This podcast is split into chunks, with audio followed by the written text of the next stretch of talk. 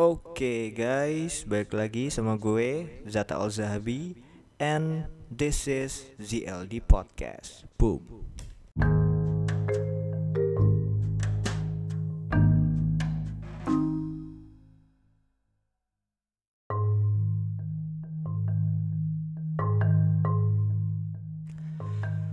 Alright, what's up people? Welcome back to another episode of ZLD Podcast ya. Ya, terakhir episode kemarin itu kita sudah bahas tentang peran Gen Z dalam dukungan terhadap orang-orang Palestina ya. Ya keren banget ya lumayan itu cukup menarik untuk kita bahas dan thank you banget buat kalian semua yang sudah mendengarkan ya, episode itu yang lumayan lama kita ngobrol kayak ngalor ngidul ya sama gitu. Karena gue nggak mau terlalu ya kaku lah sebenarnya santai aja tapi membahas isu-isu yang yang penting gitu terjadi di dunia ini. Apalagi kemarin kita baru saja melewati tahun 2023 ya kan? Kita masih dalam suasana tahun baru gitu kan sekarang nih tahun 2024 ya kan? Masih ini episode ini direcord tanggal 11 Januari bertemu menjalani kisah. Enggak bukan itu lagu ya. Tanggal 11 Januari ya guys. Tahun 2024 ya. Nah, tapi belum tahu nih gue akan upload kapan ini ya. Untuk editingnya segala macam ya. Tapi intinya hari ini tanggal 11 Januari 2024 oke so di episode kali ini gue mau bahas sesuatu yang gak jauh beda sama yang kita bahas sebelumnya yaitu tentang uh, ya secara garis besar tentang konflik antara Palestina melawan Israel. Ya Hamas melawan Israel. Konflik yang sudah terjadi hampir ratusan tahun hampir satu abad gitu ya sampai sekarang nggak kelar kelar dan gua pas uh, tahun baru ini tuh paginya tanggal 1 Januari uh, bukan pagi sorry siangnya itu gua nggak sengaja lewat di beranda Instagram gua. Jadi Israel itu nyerang lagi guys. Dia nggak berhenti.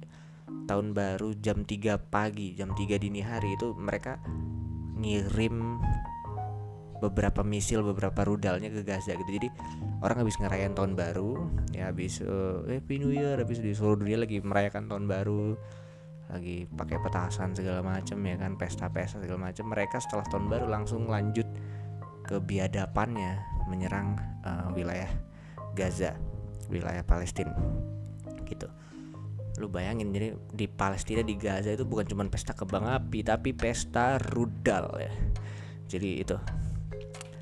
Dan baru-baru ini ya selama uh, beberapa minggu terakhir dari gue perhatiin dari awal Desember 2023 itu itu ada salah satu kelompok yang muncul ke permukaan mereka ini heboh dibahas di berbagai media ya mau itu di media online di berbagai perusahaan maksudnya di berbagai lini media kayak mulai dari CNN, CNBC, Kompas, macam-macam itu banyak memberitakan tentang kelompok ini di YouTube, media sosial Instagram, TikTok juga banyak banget yang berseliweran tentang mereka gitu. Mereka bukan Hamas, mungkin kalian mikir Hamas selama ini yang menjadi garda terdepan terhadap perlawanan Palestina gitu ya. Tapi ini mereka bukan Hamas, guys. Jadi dan ini cukup mengerikan ya dan tapi makanya gue di sini gue nggak mau fokus cuman ngebahas kelompok ini aja tapi gue mau juga membahas ya tiga poin lah tentang Hizbullah secara permukaan secara umum buat kalian mau tahu tentang Hizbullah kelompok yang lagi mencuat ini lagi ramai dibahas yang membantu Palestina ikut memerangi Israel. Namanya Hizbullah. Ya nanti kita akan bahas. Tapi di episode ini gue cuma bahas mereka secara umum di permukaan aja. Buat yang mau tahu Hizbullah secara lengkap bisa baca artikel yang udah gue tulis ya. Sudah terbit di Kompas. Linknya ada di bio Instagram gue seperti biasa ya. Jadi gue mau bahas tentang Hizbullah secara umum terus juga perjuangan Palestina selama ini yang jarang kita ketahui dan ada beberapa kekesalan gue juga sama warganet Indonesia sama terakhir tentang bagaimana orang-orang Palestina bisa ketegar selama ratusan tahun. Orang-orang Gaza khususnya. Selama ini mereka dibombardir dijajah sama dari generasi-generasi apa yang buat mereka tabah gitu. Oke jadi kelompok ini guys kita mulai ya. Namanya Hizbullah Hizbullah ini bukan kelompok militer dari Palestina guys. Ya. Ada yang bisa tebak mereka dari mana? Hizbullah ini mereka dari Lebanon. Ya negara-negara sekitar Palestina di Syam di Arab Utara sana gitu. Kan di sekitar Palestina itu wilayahnya ada di utara ada Mesir terus di timurnya ya, yang agak atas itu ada Suriah terus di timur yang agak ke bawahnya itu ada Lebanon. Gitu ya. Sama kalau ke sananya lagi mungkin ada ada Irak ya di sebelah Suriah tuh di tengah-tengah itu jadi Palestina atau Suriah tengah-tengahnya itu ada Irak. Nah itu dulu tuh kalau zaman dulu tuh masih belum ada negara-negara itu para sejarawan para ulama menyebutnya itu negeri Syam daratan Syam gitu belum ada Israel waktu itu. Israel kan anak baru brojol. Tahun 1948 tuh mereka baru brojol. Yang kemarin udah gue bahas gitu. Mereka dibentuk sama Amerika. Ya makanya sampai sekarang Amerika itu mau Israel sebiadab apa pun tetap dilindungin tetap di framing seolah-olah Israel ini yang benar gitu. Karena ya tadi lovely baby ya. Anak kesayangan dari Amerika gitu. Nah, Hizbullah ini singkatnya mereka ini organisasi perlawanan dari Libanon. Tapi memang mereka ini bukan tentara awalnya guys. Mereka ini awalnya sama kayak Hamas. Partai politik. Partai politik di sana tuh banyak. Ada kalau di Palestina mungkin ada dua yang paling kuat. Ada Hamas ada Fatah. Dan dua-duanya itu punya basis militer.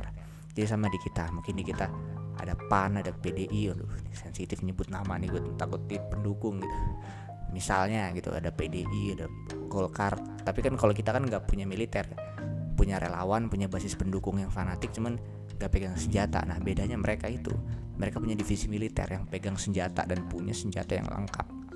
Hamas punya Fatah punya. Nah di negara tetangga mereka ada partai namanya Hizbullah. Hizbullah ini bisa gue bilang uh, salah satu partai yang cukup ekstrim. Mereka gerakan radikal bisa dibilang karena dari namanya aja. Kalau secara bahasa guys. Hizbullah itu artinya his itu artinya gerakan atau perkumpulan. Bisa diartikan sebagai pasukan juga. Jadi bisa perkumpulan bisa pasukan. Bullah yaitu Allah artinya Tuhan. Jadi Hizbullah itu artinya partainya Tuhan atau pasukannya Tuhan Tuh dari nama aja mereka udah kultus ya kan partai Tuhan, pasukan Tuhan, bisa juga gerakan Tuhan, gerakan orang-orang yang yang dipilih Tuhan gitu. Jadi mereka ini punya ideologi gitu mereka percaya mereka adalah prajurit panglima pilihan Tuhan yang ditakdirkan untuk membela kebenaran dan melawan musuh-musuh bersama ya salah satunya Israel itu. Hizbullah ini terbentuk tahun 1980-an lah ya di, Lebanon khususnya hmm, tentunya.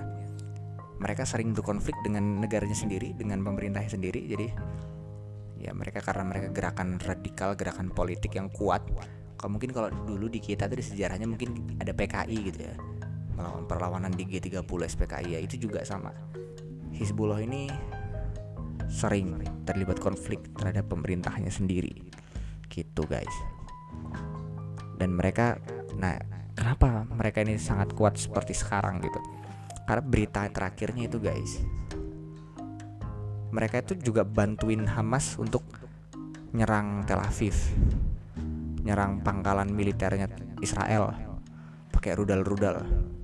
Terus ngebantuin penjagaan dari daerah selatan Gaza itu. Biasanya tentara Israel masuk lewat situ. Jadi di daerah Gaza itu yang di selatan itu ada kayak daerah bukit-bukit tebing-tebing gitu guys nah itu mereka biasanya tentara Gaza itu pakai tank pakai panser itu masuk lewat jalan-jalan di antara tebing itu yang berkelok-kelok. Nah ketika tentara itu masuk pakai kendaraan tempur itu eh, tentara Hamas biasanya dari kejauhan dari bukit seberangnya itu udah siap-siap pakai stinger atau basoka tembak dar dari situ. Itu bisa diserbu lewat situ jadi tengah-tengah tebing mereka. Kan sempit jalannya dibom dari jauh dibom dari atas gitu sama orang-orang Hamas nah Hizbullah juga bantuin. Nyerang pakai artileri rudal. Rudal kendali jarak jauh ke pangkalan udara Israel. Hizbullah bantuin itu. Nah awalnya gimana sih Hizbullah ini gitu perjalanannya gitu? Hizbullah ini juga ya bisa dibilang sangat memerangi Israel karena ini guys kebrengsekan Israel tuh nggak cuman ke Palestina karena Israel ini kan uh, ditunggangi sama Zionis ya. Kalau misalkan baca literatur itu Zionis itu ya ideologi yang radikal gitu.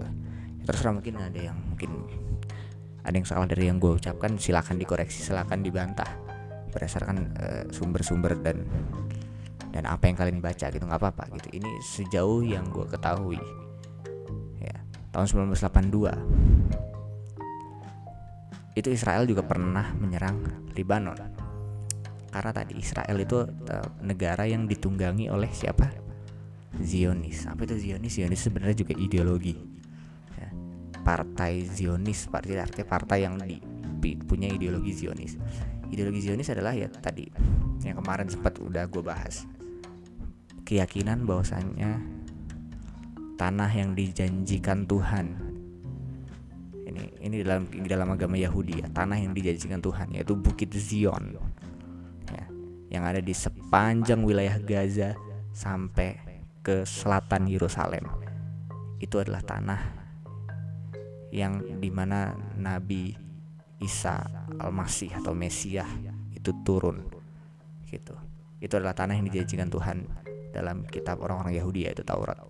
Nah orang-orang Zionis percaya bahwasanya tanah itu harus dikuasai oleh orang Yahudi mereka percaya ini tanah kita mereka bilang gitu kalau bahasa kita ini tanah kita Tuhan kami sudah menjanjikan tanah ini di kitab suci kami gitu jadi ini tanah kita caranya orang Zionis tadi membuat satu negara di mana isinya orang Yahudi semua. Gak boleh ada orang Muslim, gak boleh ada etnis lain. Harus orang etnis Yahudi dan agama Yahudi. Karena itu tabiat orang Yahudi guys, nggak semua. Ini nggak mewakili semua orang Yahudi yang di dunia. Khususnya orang Zionis, mereka tuh merasa superior banget.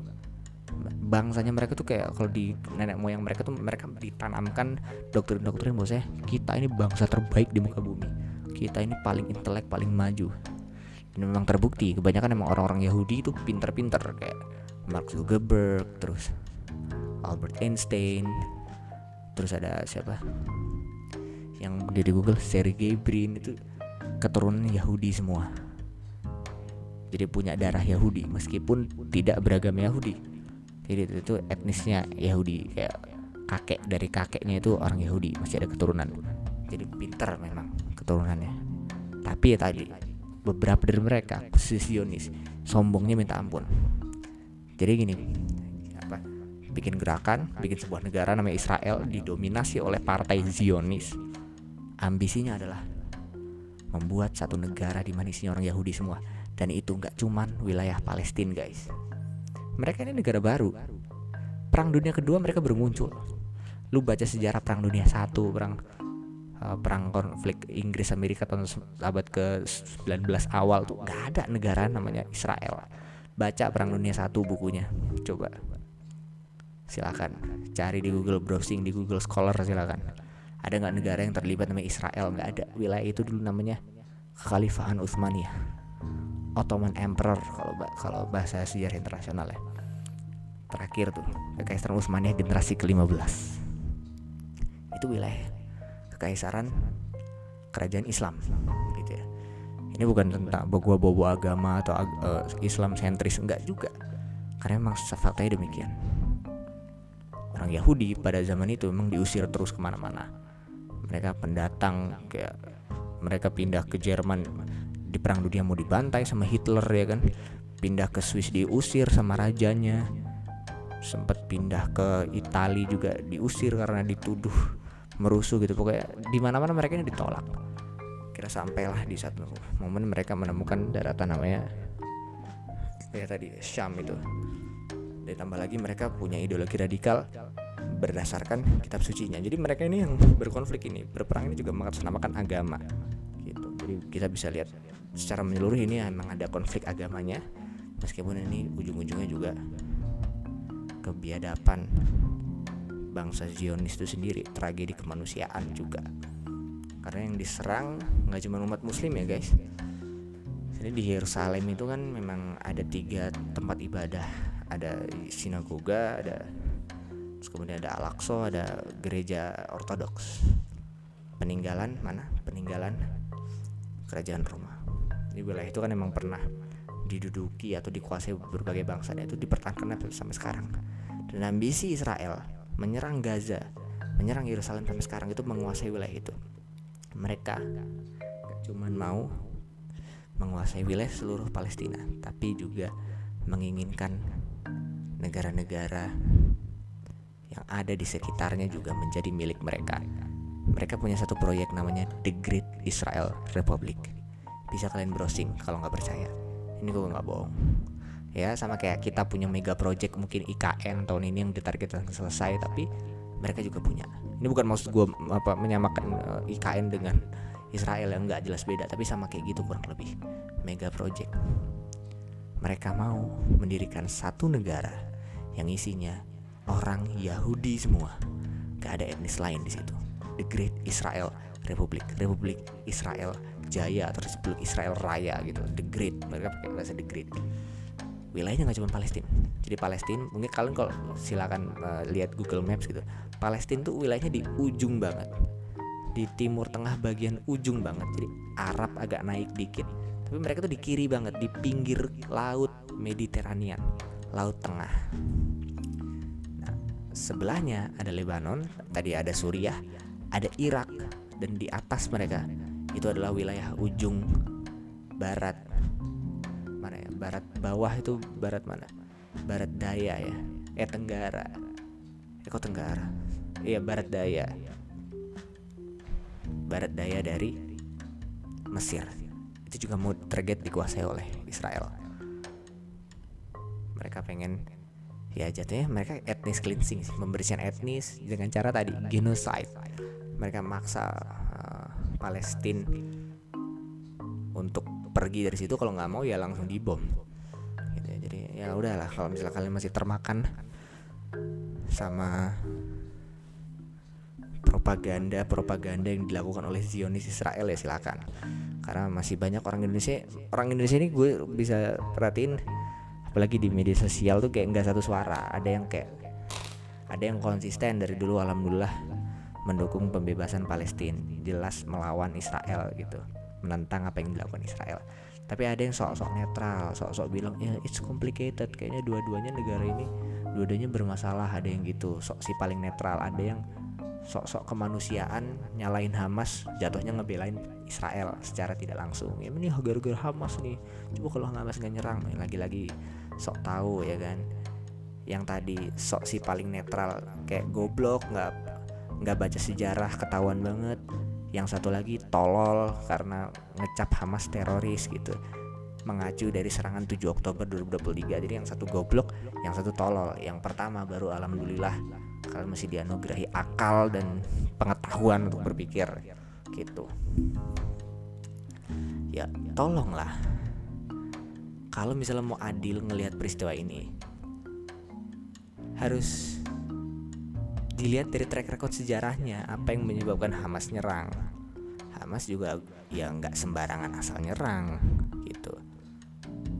Ya lu bayangin kalau misalnya lu komen banyak karena banyak guys yang komen di Instagram komen di YouTube sok-sokan nyalain Hamas. Apalagi ya nauzubillah ada yang belain Israel tuh ada loh.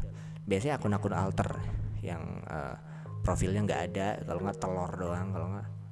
Backgroundnya Lutfi Gear 5 biasanya ya yang postingannya nol terus followers 51 lah.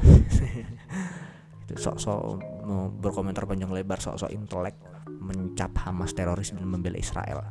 Hei tolol anda dungu goblok ya. Jadi ya dilihat lu lihat aja 7 Oktober doang kayak lu sih paling tahu kondisi di sana. Mas gue gue tanya gini. Kalau misalnya mau debat terbuka debat terbuka ayo sama gue nggak apa-apa. Mungkin kalian dengerin podcast ini juga gitu. Lu bayangin lu tinggal di satu wilayah. Yang mana wilayah itu sudah dibombardir selama hampir 100 tahun lu menyaksikan keluarga lu dibunuh depan mata lu. Kalau nggak lu mendengar kabar keluarga lu kerabat lu mati ketimpa reruntuhan mati di bom mati di sniper dari jauh. Selama berturut-turut 75 tahun lamanya dari generasi ke generasi. Kira-kira lu kuat nggak? Tiap malam dengerin dentuman bom tiap malam dentuman desingan peluru tiap malam ngelihat anak kecil gak bersalah ketembak. Kalau misalnya lu kuat lu paham situasi seperti apa boleh lu berkuar-kuar di medsos. Nah ini kan lu enggak. Lu duduk mungkin dengan santainya dengan HP Vivo atau Realme lu itu yang harga 1.500 itu terus lu asal komen di medsos ya kan? Gimana aja. Kalau misalnya nggak tahu nggak paham keadaan di sana lu semalam di Gaza aja lu belum tentu kuat. Gitu ya. Oke lu coba tonton nah, videonya Ustadz Muhammad Hussein yang udah 12 tahun di Gaza. Coba. Beliau jelas udah punya pengalaman tinggal di Gaza di sana baru berhak berbicara keras lantang gitu. Nah ini lu apa? Tahu cuman dari 7 Oktober doang nggak lihat sejarah? Tolol. Komen lagi jadi udah tolol udah goblok bukannya cari tahu biar pinter malah komen malah ngomong. Nah ini. Jadi ya gitulah. Jadi manusia-manusia laknat dungu goblok ya. Gitu. Nah balik lagi ke Hizbullah. Jadi itu. Hizbullah terbentuk 1982 sebagai organisasi perlawanan. Mereka ini bencinya setengah mati ke Israel guys. Hampir sama kayak Hamas sampai nggak mau mengakui yang namanya Israel.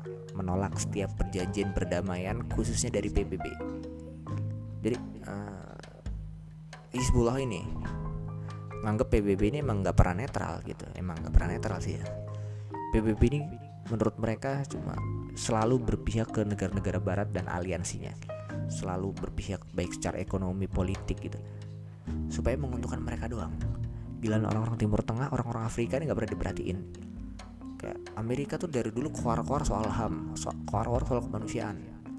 Ada kelaparan di Somalia mereka tutup mata. Baru aja Somalia mulai ngerompak kapal mulai jadi perompak. Baru mereka teriak-teriak ham ini terorisme ini teror ini ke kejahatan dan sebagainya. Tapi anak-anak di pedalaman Afrika mereka nggak kasih makan. Padahal mereka hidup bergelimang harta mengaku negara terkaya di dunia. Terkuat ekonominya terkuat militer tapi ada negara yang kesusahan gak dibantu sama mereka. Di Afrika sana belum lagi di Timur Tengah yang krisis air. Diem-diem aja mereka.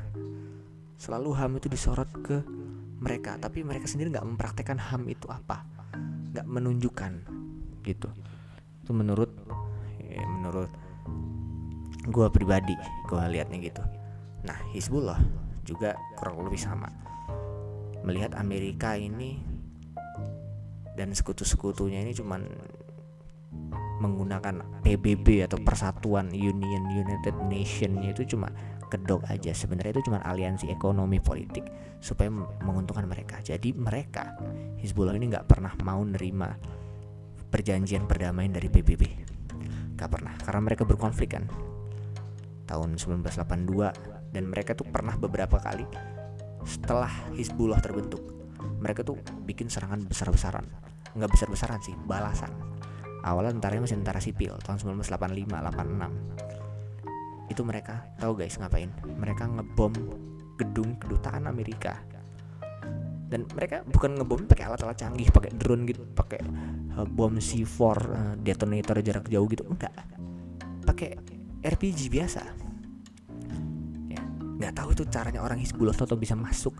Makanya konon katanya kalau di video-video dan para konten kreator uh, konspirasi itu kan banyak bilang katanya Hamas dan Hizbullah itu sebenarnya punya terowongan bawah tanah yang masuk ke wilayah Israel. Itu gue nggak tahu. Itu loh alam gitu. Ada yang masalahnya ada yang videoin juga ada yang pernah ngaku-ngaku wartawan tuh kayak dia this is the tunnel of Hamas. Mereka dia di terowongan beneran kayak terowongan bawah tanah gitu gelap pakai infrared. Ini jalan masuk ya Hamas ke Israel katanya begitu. Jadi Hamas tuh punya punya jalan rahasia punya akses yang nggak diketahui bahkan sama tentara Israel sendiri untuk nyusup ke wilayah Israel dan membuat onar dan membuat kekacauan menyerang lah intinya gitu. Hamas dan Hizbullah begitu. Nah Hizbullah tahun 1985 pernah ngelakuin itu. Nggak tahu cara masuknya gimana atau ada orang Hizbullah di tengah kota ngebom gedung kedutaan Amerika pakai RPG bayangin. Dibom jedar dan banyak gak cuma satu orang doang. Ratusan orang tau tau di situ. Bawa senjata bawa AK47 bawa SMG bawa P90 macam-macam bawa bom molotov bawa granat. Diserang habis-habisan gedung kedutaan dan gak cuma itu. Mereka juga nyerang barak militer atau tempat gudang senjatanya Israel. Diserang senjatanya dijarah. Tahun 1985 kalian bayangin itu guys. Hizbullah udah seberani itu. Sampai ya di tahun-tahun itu. Karena kan ada beberapa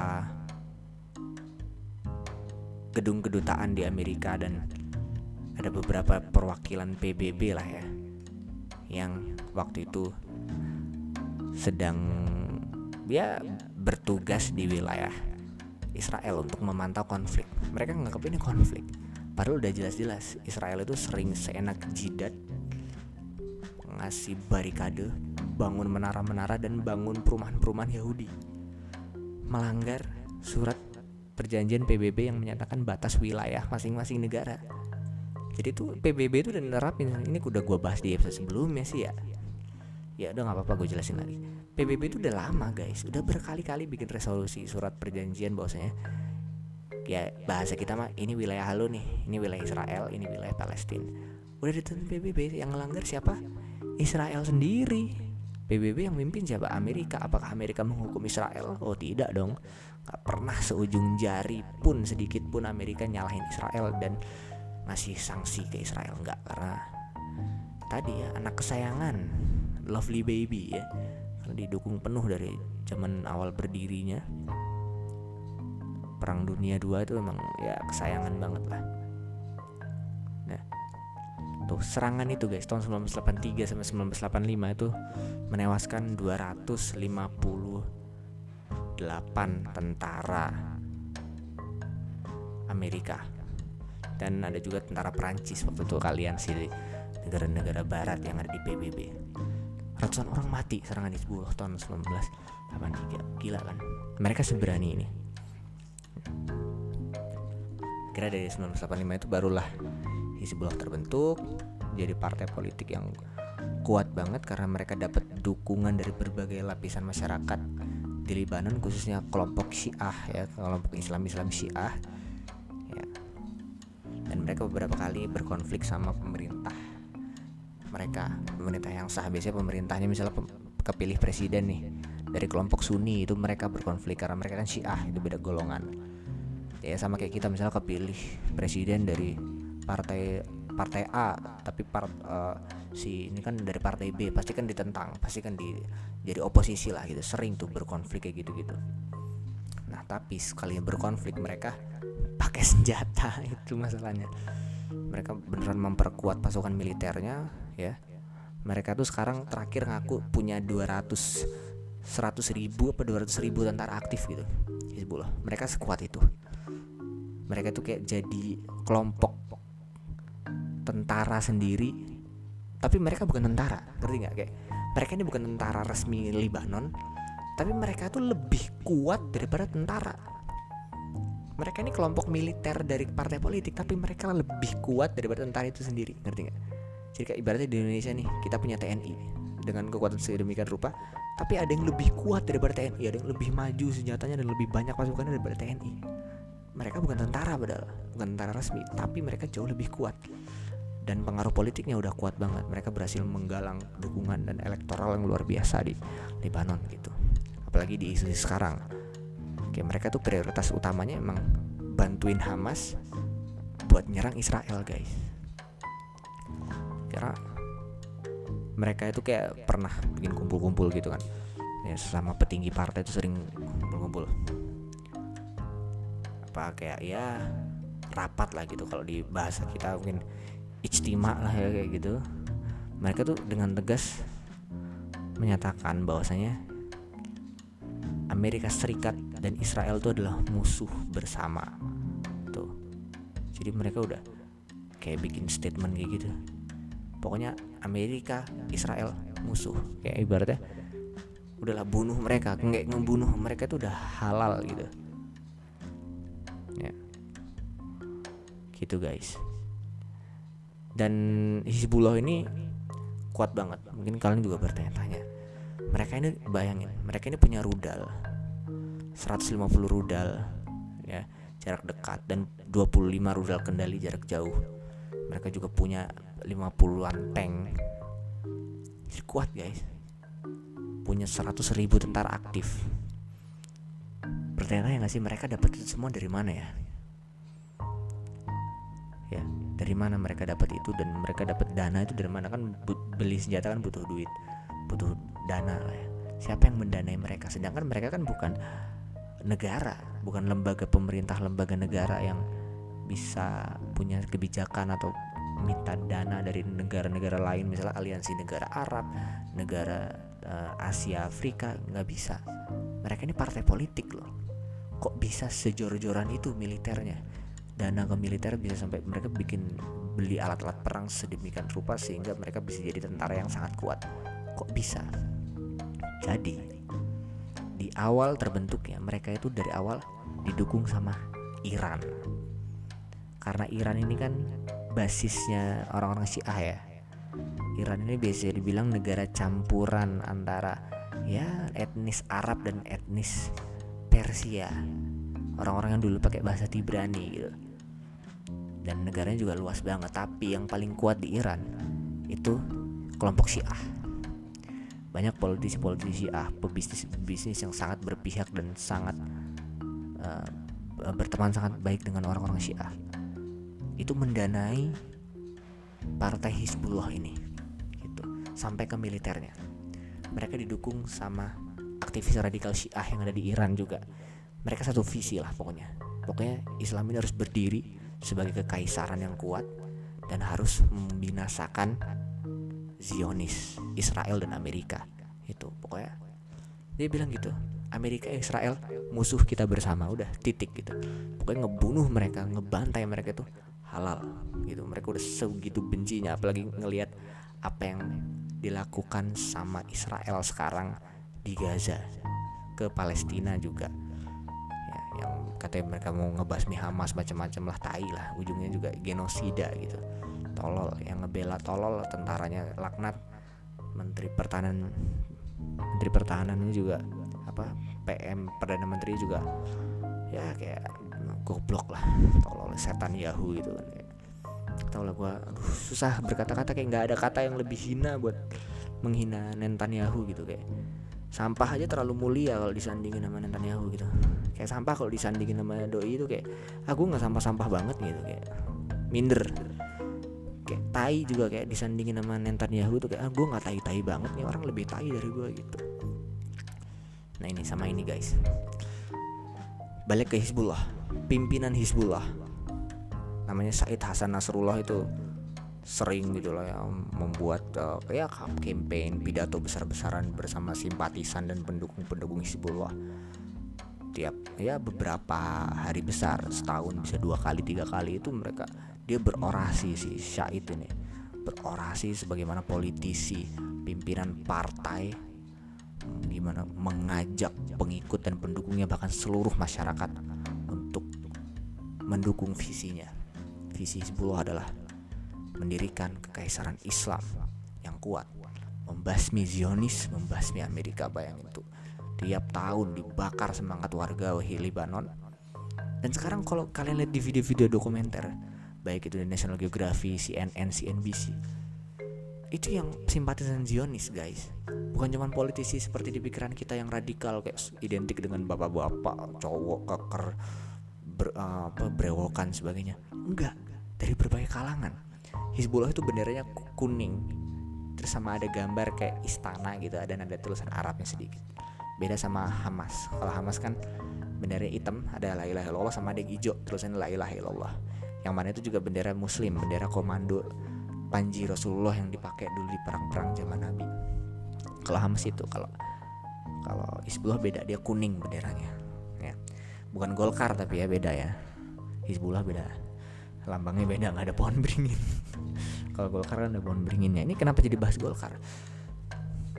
Itu itu banyak banget kalau ketika si Syahid si pimpinan besar Hizbullah ini pawai di jalan pakai mobil terbuka gitu ya dada-dada gitu terus naik atas panggung dia berorasi. Itu yang yang nonton.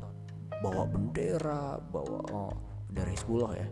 Pakai ikat kepala Hizbullah pakai baju Hizbullah pakai ada yang pakai gamis hitam ada yang ya pokoknya uh, jubah putih terus ada yang bawa bendera Palestina juga yang menandakan Hizbullah mendukung 100% Palestina gitu ya membela 100% Palestina itu. Mereka itu nggak kayak selama yang di pikiran kita. Mereka tuh ada ibu-ibu bayang ya duduk bersanding dengan tentara yang bawa senjata M4 gitu berdiri sama tentara yang juga lagi mendengarkan pidato si si ketua umum ketua umum lagi si pimpinan besar Hizbullah ini mereka berapi-api gitu. Ibu-ibu bayangin ibu-ibu ada anak-anak juga ada remaja juga banyak anak-anak muda juga. Jadi emang sekuat itu Hizbullah di Libanon dan di negara-negara sekitarnya gitu di Palestina di Suriah. Sekuat itu suaranya. Bayangin mereka sesolid dan sekuat itu. Tentaranya juga kuat banget. Ya. ya lu bayangin aja dia melebihi tentara nasional loh. Gitu kekuatan militer jumlah anggota aktifnya tuh melebihi tentara nasional Lebanon lu bayangin jadi kayak ibaratnya pemerintah sah Lebanon meskipun dia nggak sejalan misalnya sama sama Hizbullah ya ya ketar ketir lah ya mau nggak mau yaudah dah cerah kalian dah karena pengaruhnya segede itu ya. elektoralnya segede itu suaranya segede itu masanya sebesar dan sebanyak itu senjatanya sebanyak itu tanknya ada puluhan lu bayangin lu jadi presiden Lebanon lu nggak sejalan sama Hizbullah meninggal kuat banget ini ini partai guys kayak ibaratnya negara di dalam negara gitu Padahal dia bukan negara, bukan pemerintah, partai politik. Tapi sekuat itu.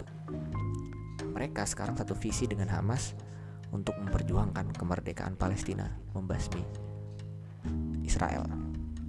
Gitu. Dan balik lagi uh, ke ya sekarang lanjut ke poin berikut tadi. Tentang orang Indonesia yang nggak satu suara. Tadi sebenarnya udah gue sempat gue singgung ya, ya udahlah.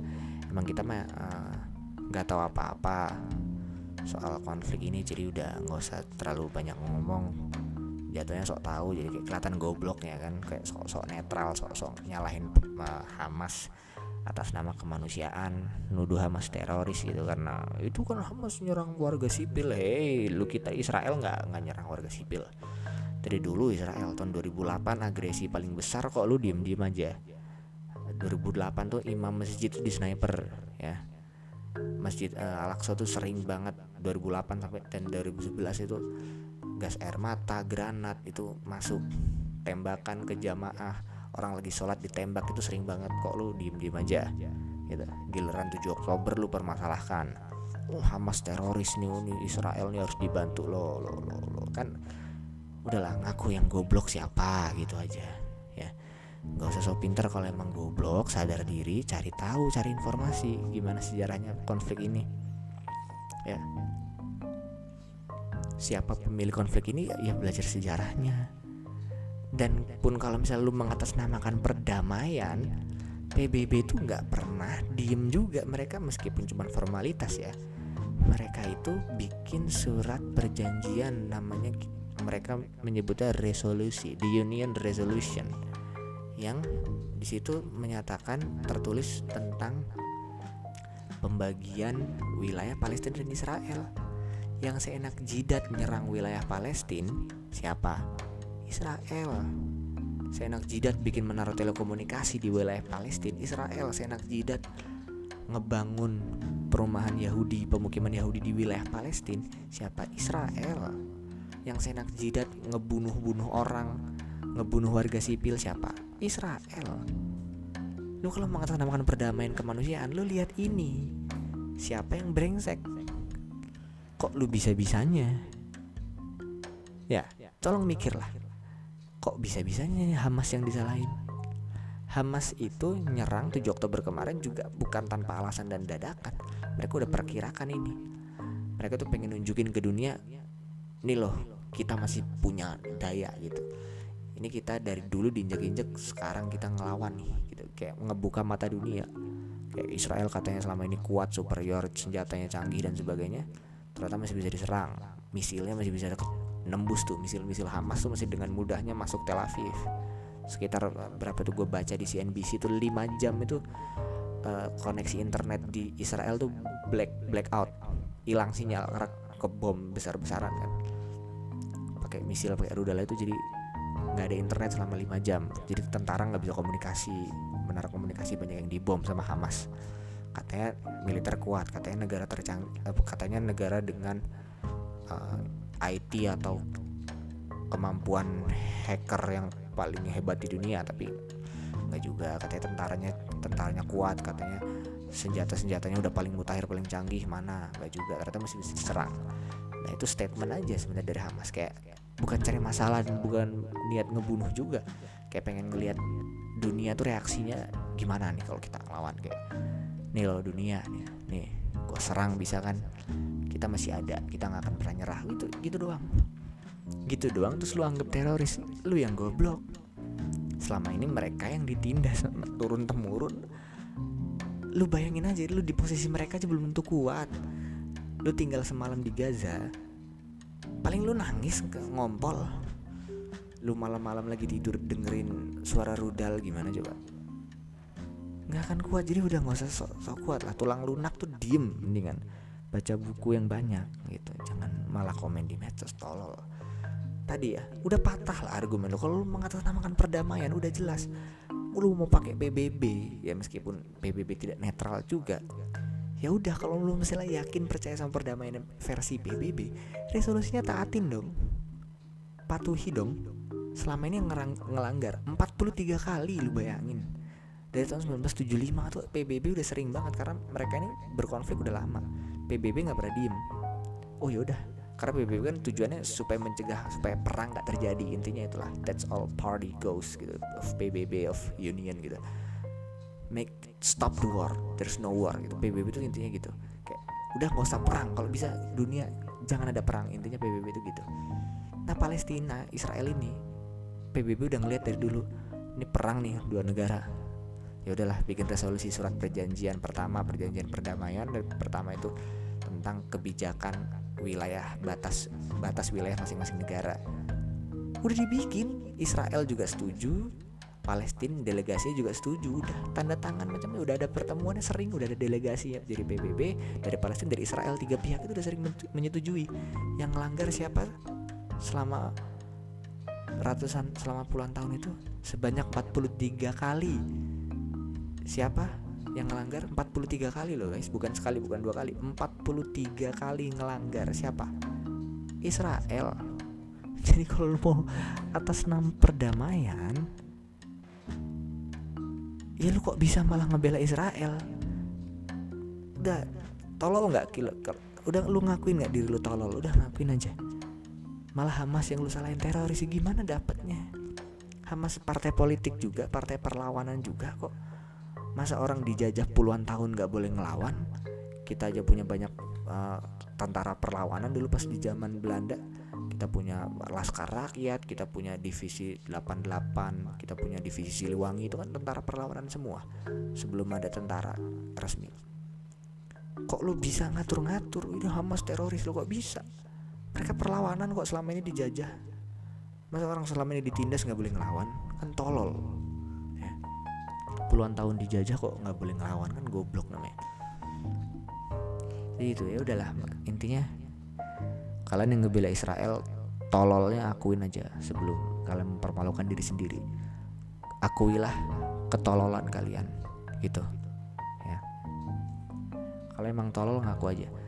Tadi Hizbullah kuat banget yang pertama tadi poinnya dan tadi ya pendukung Israel akui tol ketololan dan kegoblokan kalian. Tolong akui jangan sok pinter. Dan yang terakhir tentang gimana orang-orang Palestina kok kuat selama ini dijajah gitu ya. Nah ini adalah sesuatu yang susah dijelaskan guys. Karena nggak masuk logika gitu ya. Lu bayangin tadi lah. Tiap malam denger dentuman misil dentuman bom kok masih bisa bertahan di wilayah itu dan masih bisa nyempetin sholat gitu di Al-Aqsa meskipun dijaga berikade dan resikonya nyawa gitu. Kadang ada yang dipukulin lah sama polisi Israel ada yang dilempar gas air mata lah kalau ngelawan. Tapi mereka tekadnya kuat untuk sholat ke sana. Ada yang kayak ya udahlah gitu. Nggak mau pindah gitu. Udah sering berkali-kali disuruh pindah kan ditawarin. Jadi orang-orang Zionis itu pernah nawarin daratan Afrika pernah nawarin daratan di uh, men, uh, nyuruh ngungsi dulu di Mesir sana gitu. Mereka nggak mau. Kok bisa mereka sekuat itu? Ya. Nah itu susah banget gue jelasin guys ya. Kayaknya durasi di episode ini juga kayak nggak mencukupi ya. Sesuatu yang sulit dijelaskan dengan logika kekuatan orang-orang Palestina dan keteguhan hati orang-orang Palestina khususnya yang ada di Gaza gitu ya. susah dijelaskan dengan logika karena mereka emang nggak pernah pakai logika mereka pakai keyakinan guys. Mereka pakai iman. Dan iman mereka beda sama iman kita ya. Kehilangan duit aja udah protes ke Tuhan kan. Ya Allah nih itu 20 ribu hilang. Kalau mereka enggak keluarganya dibunuh rumahnya dibom hancur hancur lebur jadi tanah mereka tetap yakin. Mereka akan tetap di situ mempertahankan tanah airnya. Susah dijelaskan dengan logika karena logika nggak akan pernah menjangkau yang namanya iman dan keyakinan gitu guys ya oke okay guys mungkin itu aja episode kali ini ya nanti akan kita lanjutkan obrolan ini ya dengan tema-tema lain uh, yang lebih menarik dan lebih seru lagi untuk kita bahas ya Oke, okay, thank you buat kalian yang sudah mendengarkan dari awal sampai akhir. Semoga dapat keseluruhan insightnya, semoga dapat manfaatnya. Ya, nanti akan ketemu lagi di episode-episode berikutnya di ZLD Podcast Spotify ya. Oke, okay, gue Zata Al Zahabi. See you in the next episode. Bye. Thank you guys.